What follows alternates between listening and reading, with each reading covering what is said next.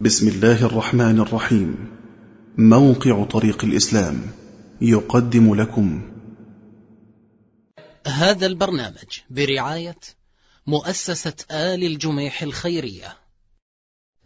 بسم الله الرحمن الرحيم. الحمد لله والصلاة والسلام على رسول الله محمد الأمين وعلى آله وصحبه أجمعين. أيها الإخوة والأخوات السلام عليكم ورحمة الله وبركاته. ومرحبا بكم في هذه الحلقة. نجول وإياكم فيها في شيء من معاني الحج. الحج له أذكار. إنما شرعت هذه المناسك من الطواف والسعي والرمي لذكر الله عز وجل. ذكر الله أعظم ما يتقرب به به تطمئن القلوب وتنشرح الصدور وتزول الهموم وتنقمع الوساوس وتكبح الشهوات ولذكر الله أكبر. فاذكروني أذكركم. فاعبدني وأقم الصلاة لذكري. عبادة عظيمة تظهر بوضوح في هذا الحج من يوم يلبي ويهل بالإحرام. هو يطوف وهو يسعى وهو يرمي الجمار. وهو يريق الدماء لإقامة ذكر الله تعالى لسانه في ذكر ربه. وقد قال الله عز وجل فإذا قضيتم مناسككم فاذكروا الله كذكركم آباءكم أو أشد ذكرا. وقال عز وجل واذكروا الله في أيام معدودات. قال ابن القيم رحمه الله إن جميع الأعمال إنما شرعت إقامة لذكر الله تعالى والمقصود بها تحصيل ذكر الله تعالى كما أن أفضل أهل كل عمل أكثرهم فيه ذكرا لله عز وجل. وأفضل الحاج أكثرهم ذكرا لله عز وجل. وهكذا سائر الأحوال. الحج موسم لذكر الله حقا. فلا أكثر من ذكر الله في الناس منه في هذه الأيام المباركة. وها هنا بعض هذه الأذكار المشروعة. وشيء من فوائدها. التلبية. لبيك اللهم لبيك لبيك لا شريك لك لبيك إن الحمد والنعمة لك والملك لا شريك لك. هذه تلبية محمد صلى الله عليه وسلم. ما معناها؟ ما معنى لبيك؟ وما معنى التكرار؟ إن المعنى إجابة بعد إجابة ولزوما لطاعتك يا ربنا واتجاهي وقصدي إليك وأنا مقيم على إجابتك وطاعتك وقربا منك. هذه خلاصة ما ذكره النووي رحمه الله بن حجر في المعاني. معنى التلبية.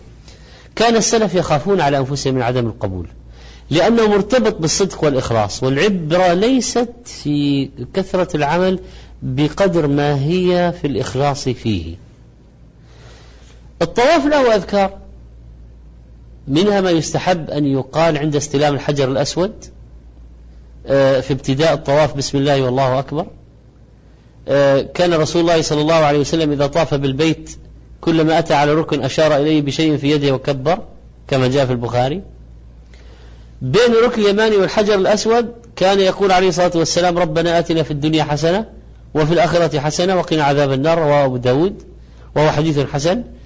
جمعت هذه الدعوة كل خير في الدنيا وصرفت كل شر فإن الحسنة في الدنيا تشمل كل مطلب دنيوي من عافية صحة ودار رحبة وزوجة حسنة ومال وجاه بين الخلق.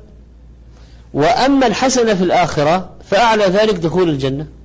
وما يتبعه من الأمن من الفزع الأكبر وأن يكون في ظل العرش وتيسير الحساب وهكذا.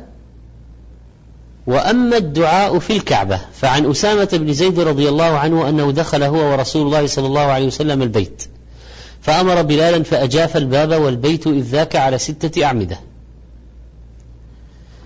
فمضى رسول الله صلى الله عليه وسلم حتى إذا كان بين الأسطوانتين اللتين تليان باب الكعبة جلس.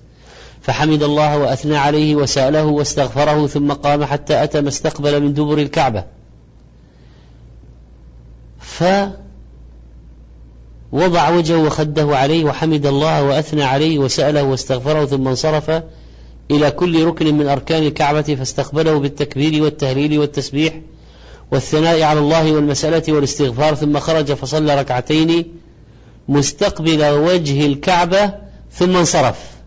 فقال هذه القبلة هذه القبلة. رواه النسائي وصححه الألباني. هذا لا يختص بالحج لكن لو تسنى له دخول البيت ماذا يقول؟ أما السعي. فعندما يدنو الحاج من الصفا يقرأ قول الله إن الصفا والمروة من شعائر الله. ويقول أبدأ ببدأ الله به. توقير واحترام مكانه. إذا بدأ الله بشيء له معنى. ثم يرقى على الصفا حتى يرى الكعبة فيستقبل الكعبة ثم يوحد الله ويكبره ويحمده ثم يقول لا إله إلا الله وحده لا شريك له. له الملك وله الحمد. وهو على كل شيء قدير. لا إله إلا الله وحده أنجز وعده ونصر عبده وهزم الأحزاب وحده ثلاث مرات. ثم يدعو بين ذلك. فهناك آه، آه، الذكر ثلاث مرات والدعاء مرتان. يتخلل هذه الثلاث مرات. هذا الذكر يجمع توحيد الألوهية ونفي الشريك عن الله وإثبات الملك له والإقرار بالحمد والشكر والشهادة بأنه على كل شيء قدير وأنه عزيز لا يغلب وأن جنده هم المنصورون وأنه لا ينصرون إلا بالله تعالى. وعرف أذكار ومزدلفة أذكار ومنى أذكار وأفضل ما يكون الدعاء للحاج يوم عرفة في يوم إجابة الدعوات وإقارة العثرات وتفريج الكروبات وإغاثة الملهوفين. قال شيخ الإسلام ابن تيمية رحمه الله من المعلوم أن الحجيج عشية عرفة ينزل على قلوبهم من الإيمان والرحمة والنور والبركة ما لا يمكن التعبير عنه. وروى الترمذي عن عبد الله بن عمرو أن رسول الله صلى الله عليه وسلم قال خير الدعاء يوم عرفة وخير ما قلت أنا والنبيون من قبل لا إله إلا الله وحده لا شريك له له الملك وله الحمد وهو على كل شيء قدير.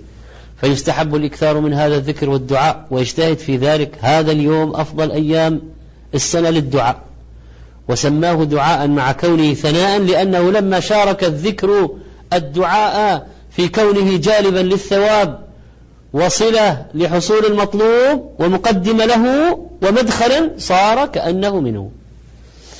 المشعر الحرام هذه في مزدلفة فيه ذكر قال تعالى فإذا أفضت من عرفات فاذكروا الله عند المشعر الحرام واذكروه كما هداكم وإن كنتم من قبل لمن الضالين فيستحب الإكثار من الذكر والدعاء في مزدلفة لأن ليلة عظيمة اجتمع فيها شرف المكان وشرف الزمان والإحرام ومجمع الحجيج. وعند رمي الجمار يشرع التكبير مع رمي كل حصى. وكان عليه الصلاة والسلام يكبر مع كل حصى. وهذا التكبير في المواضع يقول شيخ الإسلام إن التكبير مشروع في المواضع الكبار لكثرة الجمع أو لعظمة الفعل أو لقوة الحال أو نحو ذلك من الأمور الكبيرة. ليبين أن الله أكبر وتستولي كبرياؤه في القلوب على كبرياء تلك الأمور الكبار. فيكون الدين كله لله ويكون العباد مكبرون لله. فيحصل لهم مقصودان مقصود العبادة بتكبير قلوبهم لله ومقصود الاستعانة بانقياد سائر المطالب لكبريائه. ثم يستحب الذكر في ليالي منى. قد قال عليه الصلاة والسلام أيام التشريق أيام أكل وشرب وذكر لله وأيام التشريق ثلاثة بعد يوم النحر. سميت بذلك لأنهم كانوا يشرقون فيها لحوم الأضاحي ويجففونها آه، لأخذها معهم بعد ذلك واستعمالها. آه، في الحديث استحباب الإكثار من الذكر في هذه الأيام من التكبير وغيره. هذه أيام التشريق هي الأيام المعدودات. واذكر الله في أيام معدودات ومناسبة استحباب الذكر في أيام منى هؤلاء الناس فيه مجتمعون آه، وقد قضوا المناسك الأعظم بعد عرفة فإذا مثل فإذا قضيتم الصلاة فاذكروا الله قياما وقعودا وكذلك بعد ركن عرفة الأعظم أيضا. نسأل الله عز وجل أن يوفقنا وإياكم لعمل الصالحات واجتناب المحرمات. وأن يحيينا مؤمنين ويتوفانا مسلمين ويلحقنا بالصالحين غير خزايا ولا مفتونين أستودعكم الله والسلام عليكم ورحمة الله وبركاته. هذا البرنامج برعاية مؤسسة آل الجميح الخيرية. مع تحيات إخوانكم في موقع طريق الإسلام www.islamway.com والسلام عليكم ورحمة الله وبركاته.